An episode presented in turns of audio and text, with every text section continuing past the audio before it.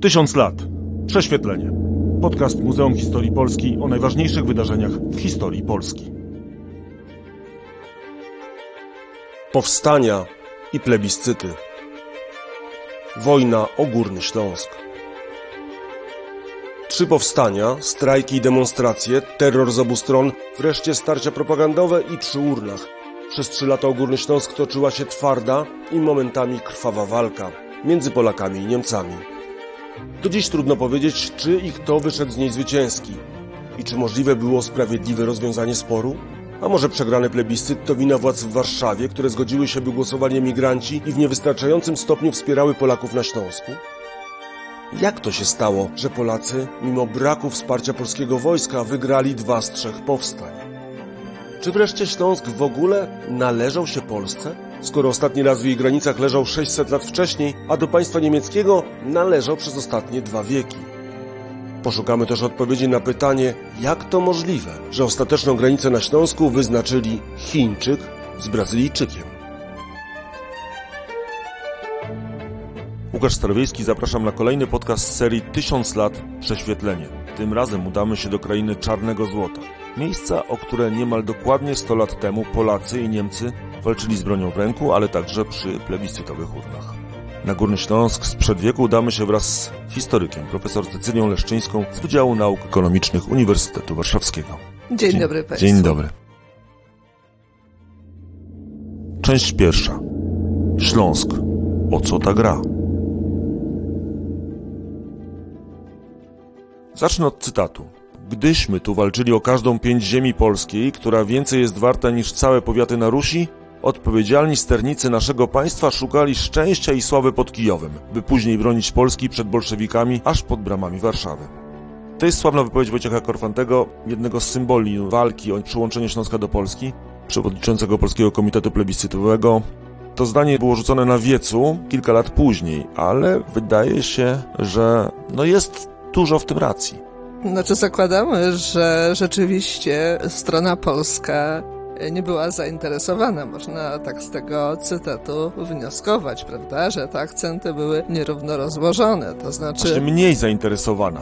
Chyba... Ta to bardziej w ten sposób trzeba by interpretować. Oczywiście tego typu głosy rzeczywiście pojawiały się. W roku 1920, tuż już po zakończeniu wojny polsko-bolszewickiej, Rząd polski zaczął się dużo silniej interesować e, sprawą śląską, tak? To było to przygotowanie do plebiscytu i wówczas e, no, pojawił się taki, powiedziałabym, konflikt mały, czy też napięcie pomiędzy oczekiwaniami e, ze strony właśnie Wojciecha Korfantego, a rządem Wincentego Witosa.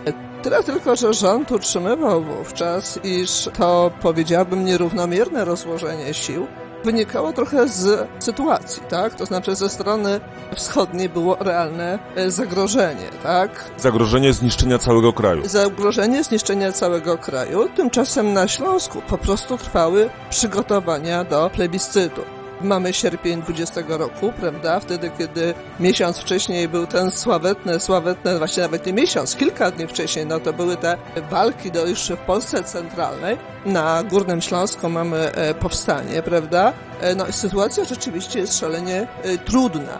I w tym, w tym momencie rozważania, czy Śląsk, czy obrona państwa, no wydaje się być, powiedziałabym, rzeczą oczywistą.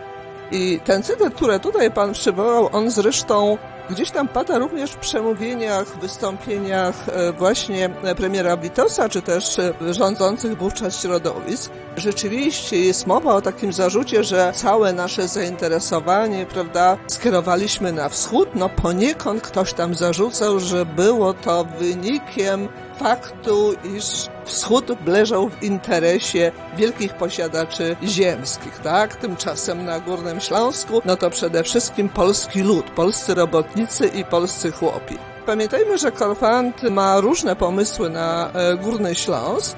Tymczasem rząd warszawski, począwszy już od Paderewskiego, a potem poprzez rząd Witosa w 20 roku, no, stoi na stanowisku właściwie takiego, powiedziałabym, dochodzenia dyplomatycznego, bo pamiętajmy, że to właśnie w Wersalu postanowiono, że będzie plebiscyt. Sprawa śląska ma wymiar międzynarodowy. To nie jest tylko i wyłącznie problem Polski, ale żywo kwestią śląską interesują się mocarstwa. I rząd krajowy, rząd warszawski stoi na stanowisku, że jakikolwiek konflikt zbrojny z udziałem wojsk polskich może Polsce wręcz w sprawie śląskiej zaszkodzić, bo czym innym są oddolne powstania, a czym innym byłoby wkroczenie armii polskiej na Śląsk, bo wtedy oznaczałoby to pogwałcenie przecież tych wszystkich postanowień, które Polska podpisała, przyjmując postanowienia wersalskie. Czy Górny Śląsk w ogóle należał się Polsce? Kontrowersyjne pytanie, wiem, i może budzące emocje. Perspektywa polska jest taka, że się Polsce Śląsk należał, Tym bardziej z perspektywy dzisiejszej, wiadomo. To jest oczywiste, ale gdybyśmy cofnęli się do epoki, prawda, i do tego sposobu rozumowania, który miał miejsce zarówno w końcowej fazie I wojny światowej, jak i tutaj, jak tuż tej po jej zakończeniu, no to przecież znamy te deklaracje prezydenta Wilsona, tak, które miały istotne znaczenie na, dla rozstrzygnięć międzynarodowych że przyznaje się grupom etnicznym, grupom narodowym prawo do samostanowienia. Więc to nie był tylko problem Polski, ale problem w ogóle, powiedzmy sobie, e, pogranicza wszelakiego, pogranicza wymieszanego narodowościowo, religijnie i tak dalej. No i poniekąd... Takich miejsc było dziesiątki, bo to nie tylko polskie granice, ale też całe cesarstwo austro-węgierskie tak naprawdę składało się przecież z narodów, które potem uzyskały niepodległość i które potem miały tak. też tereny sporne. To prawda, właśnie i o to chodzi, prawda? A żeby te mm, państwa wielonarodowościowe, które powstały w XIX wieku, te mocarstwa, zwyczajnie pozwoliły narodom je zamieszkującym na samostanowienie, jak to wówczas mówiono. I pojawiał się oczywiście problem, no co z regionami pogranicznymi, gdzie ta struktura etniczna była szalenie wymieszana. W przypadku Polski tych regionów mieliśmy przecież kilka, no i Górny Śląsk był jednym z najważniejszych, zamieszkiwanych przecież przez Polaków, zamieszkiwanych przez Niemców no, zamieszkiwanych przez ludność śląską, ludność, która posługiwała się językiem śląskim i co do której, powiedziałbym, przynależności państwowej inaczej widzieli to Niemcy, a inaczej widzieli to Polacy. No bo właśnie chciałem tutaj przerwać na chwilę, by pokazać ten spis taki powszechny z 1905 roku. Według niego 57% osób posługiwało się językiem polskim na Śląsku Górnym, a 37% nie niemieckim. Interpretacja właśnie polskości i niemieckości, tak, na Górnym Śląsku inaczej wyglądała w przekazie niemieckim, inaczej wyglądała w przekazie polskim. Tutaj Niemcy, zgadzając się z faktem, że obszary te zamieszkuje ludność posługująca się językiem polskim, utrzymywała, iż ta ludność jest kulturowo od wieku związana z Niemcami. Polska z kolei miała tutaj e, interpretację różną. Niemcy byli zaskoczeni, że Polacy roszczą sobie prawa do Śląska? Sprawa śląska była podnoszona przez, e, przez przedstawicieli polskich e, już od roku 1917, a nawet przecież wcześniej, więc strona niemiecka wiedziała, czy znała polskie stanowisko, polskie oczekiwania i polskie roszczenia. Ale miałem wrażenie, czytając kilka artykułów, e, czy zagłębiając się w książki, że jednak na Śląsku ci Niemcy byli trochę zaskoczeni takim silnym ruchem polskim, powiedzmy w okolicach początku polskiej niepodległości, czyli w 18 roku. Tak, no ale tutaj mówimy o stanowisku, znaczy władz miejscowych, prawda, i mówimy o e, stanowisku Berlina, no bo ostatecznie to przecież Polacy, znaczy polscy przedstawiciele, przedstawiciele, mam na myśli czy to Romana Dmowskiego, prawda, czy inne osoby zaangażowane w e, taką argumentację paryską, tak, to przecież myśmy się bardzo starannie na e, obrady paryskie Kongresu Wersalskiego przygotowali, przedstawiając mapy analizy właśnie rozkładu etnicznego, e, gdzie zamieszkuje ludność polska, no i dlaczego polska granica zachodnia ma przebiegać tak, a nie inaczej. To przecież dlatego myśmy starali się poprzez Paderewskiego oddziaływać na e, decyzje prezydenta Wilsona, no właśnie dotyczące tego, iż tak polska granica zachodnia powinna brać pod uwagę to polskie osadnictwo. Przypomnijmy nawet, że na konferencji paryskiej Moski tak dobrze to argumentował, że Komisja do Spraw Polskich przyznała na początku Górny Śląsk Zgadza się. cały Polsce.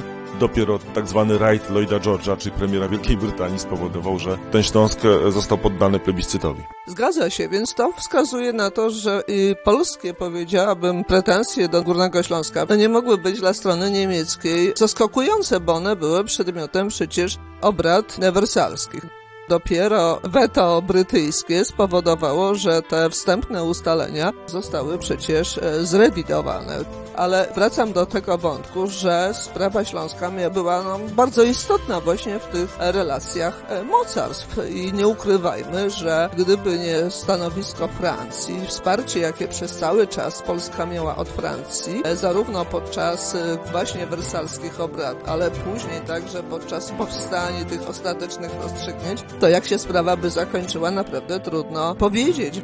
Poszliśmy na pewne ustępstwa, przekazaliśmy Francji, a to spółki y, na Śląsku Skarbowy, to, a to bank polsko-francuski i tak dalej, ale tym niemniej fakt, że uzyskaliśmy ostatecznie, y, można nazwać to sukcesem, no musimy przyznać również y, zasługi francuskie. To prawda, to powiem tylko krótko podsumowując tą geopolitykę, że chodziło o to, że Anglia chciała, by Niemcy nie były zbyt osłabione, bo chciała mieć przyszłości przeciwwagę przeciwko Francji. Francja natomiast, uważając Niemcy za głównego swojego wroga, potencjalnego w przyszłości też, chciała osłabienia tych Niemiec jak najbardziej, a Śląsk był takim papierkiem lakmusowym trochę i taką sytuacją, w której przyłączenie Śląska do Niemiec powodowało, że Niemcy były dużo silniejsze, odłączenie dużo słabsze. Tak, ale pamiętajmy, tam jeszcze padała dodatkowa argumentacja, mianowicie Niemcy, jak wiadomo, zostały obciążone dosyć silnymi, dużymi reparacjami. Pojawiło się ze strony niemieckiej twierdzenie, zresztą przez Wielką Brytanię poniekąd akceptowane, że Niemcy bez Śląska e, nie będą w stanie spłacić tychże reparacji, albo też po prostu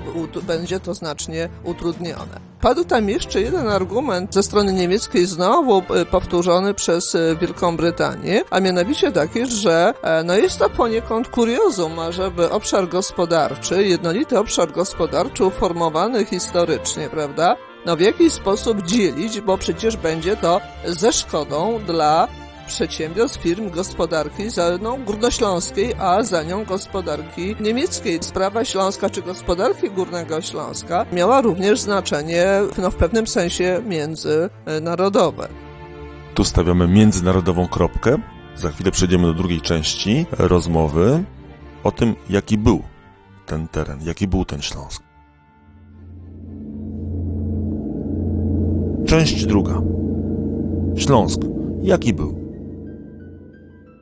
Przez większą część historii ten Śląsk, ta dzielnica to taka dzielnica pograniczna, czasem czeska, czasem polska, austriacka, czasem nawet niezależna, zwłaszcza w średniowieczu, a na koniec niemiecka.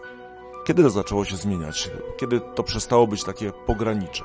To zależy w jakim sensie. To ja myślę, że końcu XIX wieku, czy może nawet od połowy XIX wieku zaczęły się te bardzo intensywne procesy industrializacyjne. Wówczas rola gospodarcza Śląska zaczyna być istotnie ważąca, a za tym idą kwestie, powiedziałabym, etniczne, bo po pierwsze, y, wiemy, że to wiek XIX przynosi to coś, co nazywam narodzinami nacjonalizmów, to znaczy taką samoświadomością narodowościową i tak dalej, i tak. Z drugiej strony, w tymże wieku XIX rozpoczynają się dosyć istotne procesy migracyjne, przemieszczania ludności. Potem jeszcze na to nakłada się pierwsza wojna światowa. Dlatego też jak e, czyta się e, opracowania dotyczące Górnego Śląska, no to właśnie podkreśla się ta jego wieloetniczność, ta jego wielokulturowość, tę wieloreligijność, no a zarazem zwraca się uwagę na to, iż przy tej wielo, jak tutaj powiedziałam, etniczności, kulturowości i tak dalej, no wyraźnie zaczynają się zarysowywać pewne dychotomie, a mianowicie, że oto przemysłowcy, management, inteligencja to są jednak e, Niemcy. Natomiast ludność chłopska, z tym, że to też jest bardzo zróżnicowane powiatowo. To trzeba pamiętać o tym, że e, tutaj są duże różnice pomiędzy, e, nazwijmy to wschodnim Śląskiem, tak, a Śląskiem Zachodnim i jeszcze wewnątrz tych powiatów. Ale wracając do rzeczy, więc ludność wiejska, ludność robotnicza, to w swojej masie ludność polska. E, jednym słowem na e, Pana pytanie o kwestie narodowościowe, to się wydaje e, krystalizować zaczyna gdzieś w końcówce XIX wieku, kiedy na tę, powiedziałam, historyczność nakładają się te bieżące zmiany gospodarczo-społeczne, narodowościowe. Śląsk z takiego cennego łupu księstwa, bo Nowe Ziemie zmienia się też w coś znacznie cenniejszego, bo w centrum e, wydobywczo-przemysłowe. To jest coś, co powoduje, że ten Śląsk kompletnie się zmieni. Tutaj z tej perspektywy powiedziałabym e, naszej części Europy, bo pamiętajmy, e, że w tym samym czasie, mówię o końcówce XIX wieku, uformowały się już te wielkie regiony przemysłowe w Niemczech Zachodnich. Z naszej perspektywy oczywiście dominacja przemysłowa i wyrastanie Górnego Śląska na ten okręg przemysłowy jest oczywistością. Czyli można powiedzieć, że to dla Polski Śląsk był kluczowy, a dla Niemiec niekoniecznie? Znaczy na pewno był ważny. To, to ważny, nie, nie, ale nie kluczowy. Ale y, z punktu widzenia przemysłowego on schodzi na drugi plan. Ale dla Polski brak Śląska to w ogóle brak węgla. Tak, tak, bo na, w Zagłębiu Krakowskim tego węgla przecież było bardzo niewiele. Mając to Zagłębie Krakowskie, czy ten okręg Sosnowiecki, e, tuż po wojnie była reglamentacja węgla, po prostu tego węgla nie było. No i tutaj dla Polski Śląsk jest oczywiście e, rzeczą fundamentalną. Rzuciliśmy na ten obraz Górnego Śląska już takie tło, tło międzynarodowej sytuacji oraz tło sytuacji wewnętrznej. No to teraz czas przejść do samych wydarzeń. Część trzecia. Trzy burzliwe lata. Powstania i plebiscyty. Wiem, jak doszło do decyzji o przeprowadzeniu plebiscytu na Górnym Śląsku, powiem tylko krótko, czego dotyczył dokładnie. 11 tysięcy kilometrów kwadratowych, według danych z 1910 roku, zamieszkanych przez około 2 miliony osób. Z danych wynika, że większość Polaków, to już wcześniej mówiłem, ponad 50% Polaków a właściwie osób mówiących po polsku, bo tak to trzeba, tak trzeba analizować te badania. Zresztą tak wiele wielonarodowych Jest. państw, mhm. imperiów przeprowadzało spisy w tamtym czasie. Początkowo Niemcy, choć na tym Śląsku trochę zaskoczeni, to e, mieli znacznie mocniejsze karty. W XIX roku nie dość, że armia niemiecka jeszcze tam stała, to jeszcze cały aparat urzędniczy i policyjny był po stronie Niemiec. A jakie atoty mieli Polacy?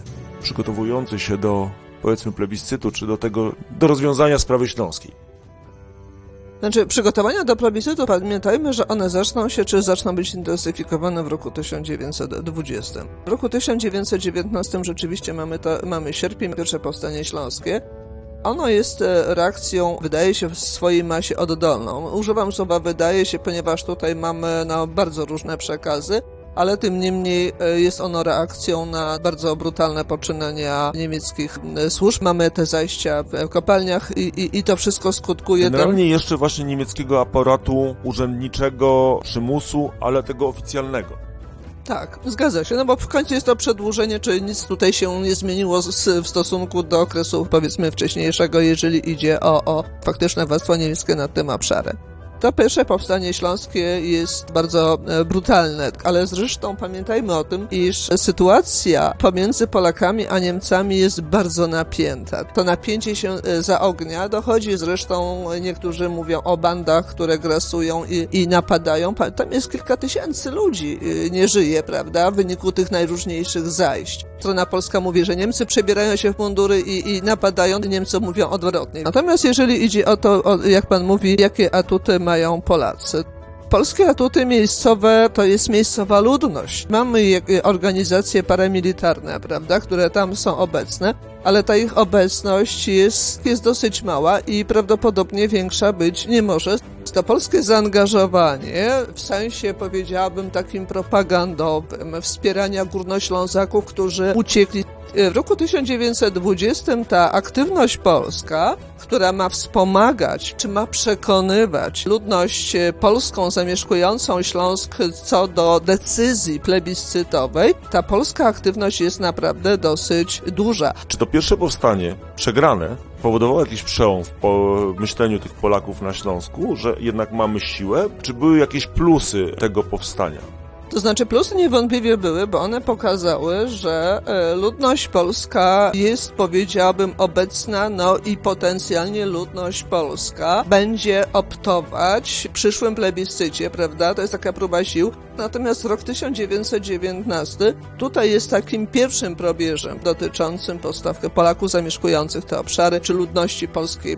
W roku 1920 władze polskie zrobiły bardzo wiele, ażeby przekonać, iż przynależność do Polski będzie korzystniejsza. Sejm Polski uchwala ustawę o reformie rolnej i zapowiada się, że zostanie przeprowadzona reforma rolna na korzyść ludności chłopskiej, no bo wielkimi właścicielami ziemskimi są Niemcy, więc reforma będzie w interesie ludności chłopskiej, wiejskiej, no w swojej masie powiedzmy polskiej.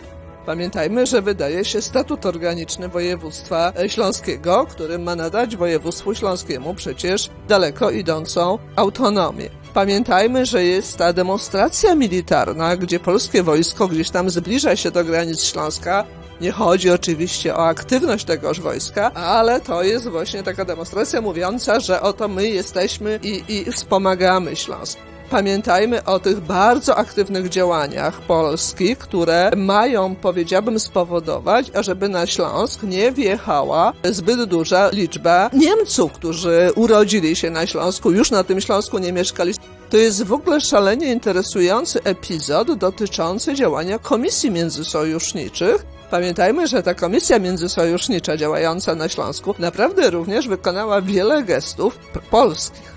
Już zahaczyliśmy o to drugie powstanie, troszkę wrócę do chronologii.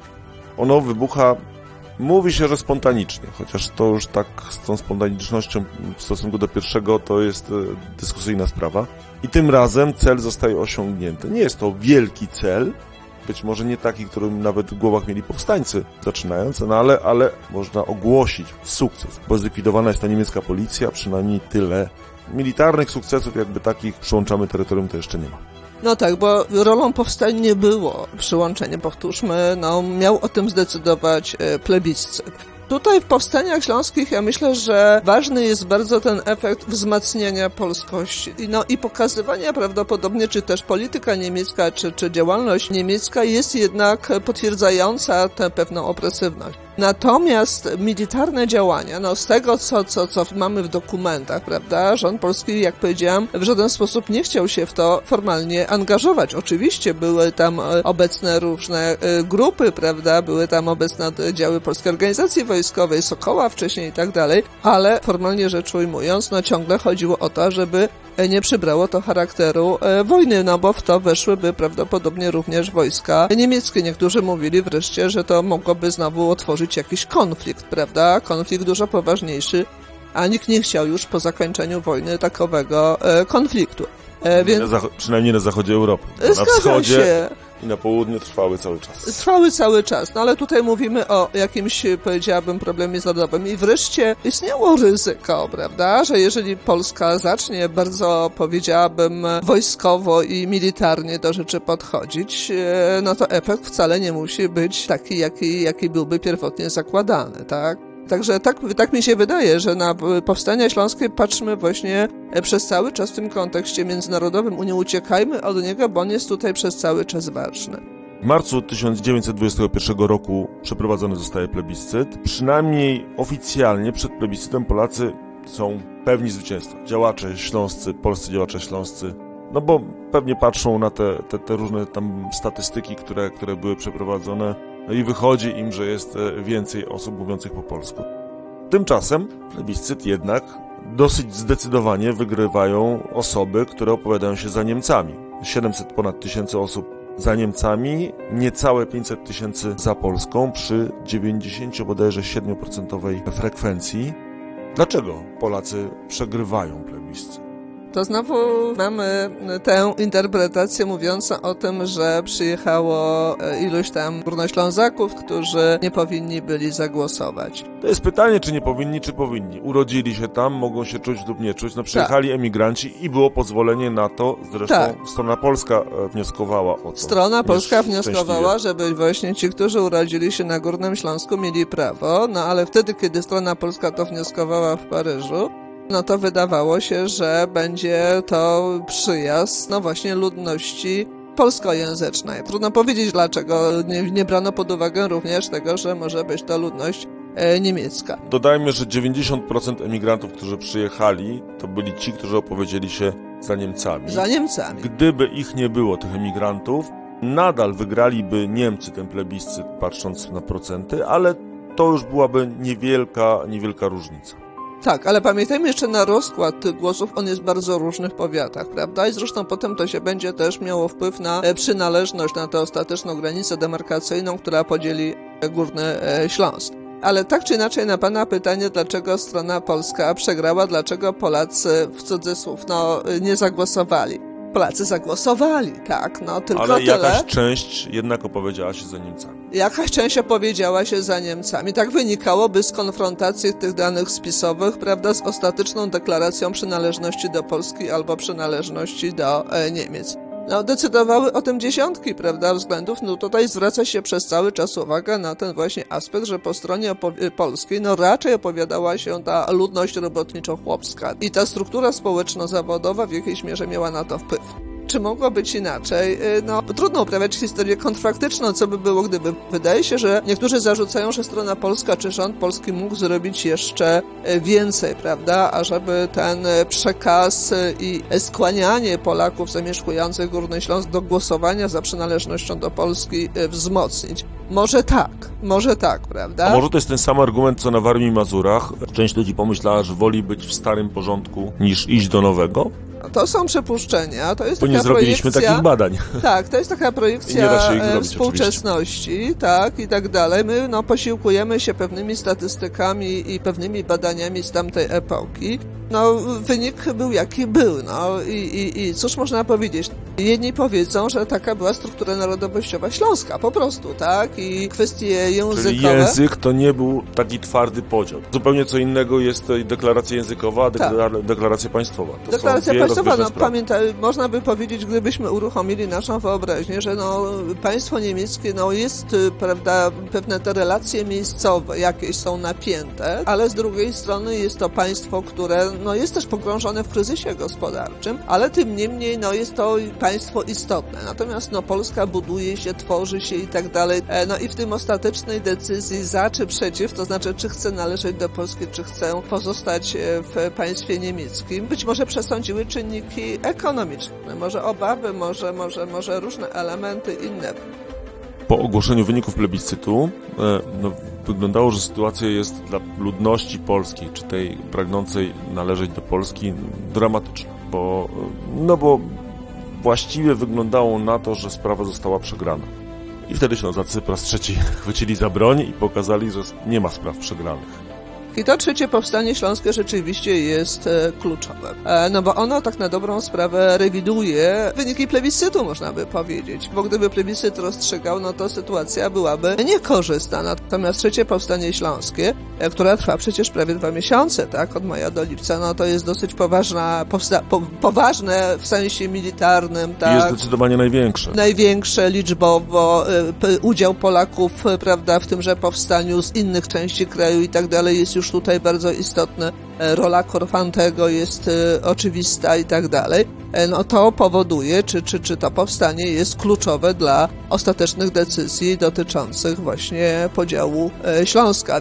Wojska powstańcze doprowadzają do stworzenia pewnej granicy demarkacyjnej, mniej więcej w, na granicy takiej jak te polskie możliwości podzielenia Śląska. Za chwilę, w ostatniej części, porozmawiamy o tym, jak ten Śląsk ostatecznie podzielono. Część czwarta. Wyznaczanie granic i znaczenie Śląska dla Polski. Trudno to uwierzyć, ale opracowanych zostało aż 13 wersji podziału Górnego Śląska, już po plebiscycie. Ja tę część zacznę od takiego cytatu kanadyjskiego uczonego Williama Johna Rose'a, który określił granicę na Górnym Śląsku mianem najbardziej kuriozalnej, najtrudniejszej i najgorszej w Europie.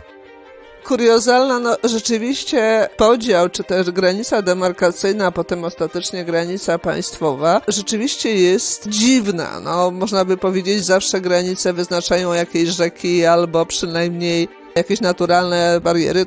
Tutaj natomiast ta granica przecina wielkie posiadłości ziemskie, przecina nawet niektóre firmy, tak? Gdzie jedna część firmy pozostaje po stronie niemieckiej, druga część firmy pozostaje po stronie polskiej. E, jak spojrzymy na przebieg tej granicy w terenie, no to ona rzeczywiście z tego punktu widzenia jest dziwną granicą. E, także tutaj wypadałoby się e, zgodzić, bo z perspektywy obserwatora zewnętrznego, no przebieg tej, tej granicy rzeczywiście mógłby zaskakiwać. Ciekawostką jest to, że Rada Ambasadorów ponieważ nie mogła sobie z tym poradzić, to powołała taką komisję ekspertów Rady Ligi Narodów, czy została powołana, składająca się, uwaga, z kierującej jej pracami przedstawiciela Chin, Wellingtona Co, delegatów z Belgii, Brazylii i Hiszpanii. Chińczyk, Brazylijczyk, Belg i Hiszpan zdecydowali o tym, jak będzie wyglądała granica polsko-niemiecka na Śląsku.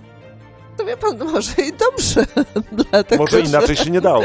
może inaczej się nie dało. Tutaj natomiast mamy ludzi y, zupełnie, zupełnie świata zewnętrznego, więc no to zapewniać miało pewien obiektywizm, prawda, no pewną neutralność, jeżeli idzie o ten głęboki spór, który miał przecież, jak mówimy od początku, wymiar jednak europejski.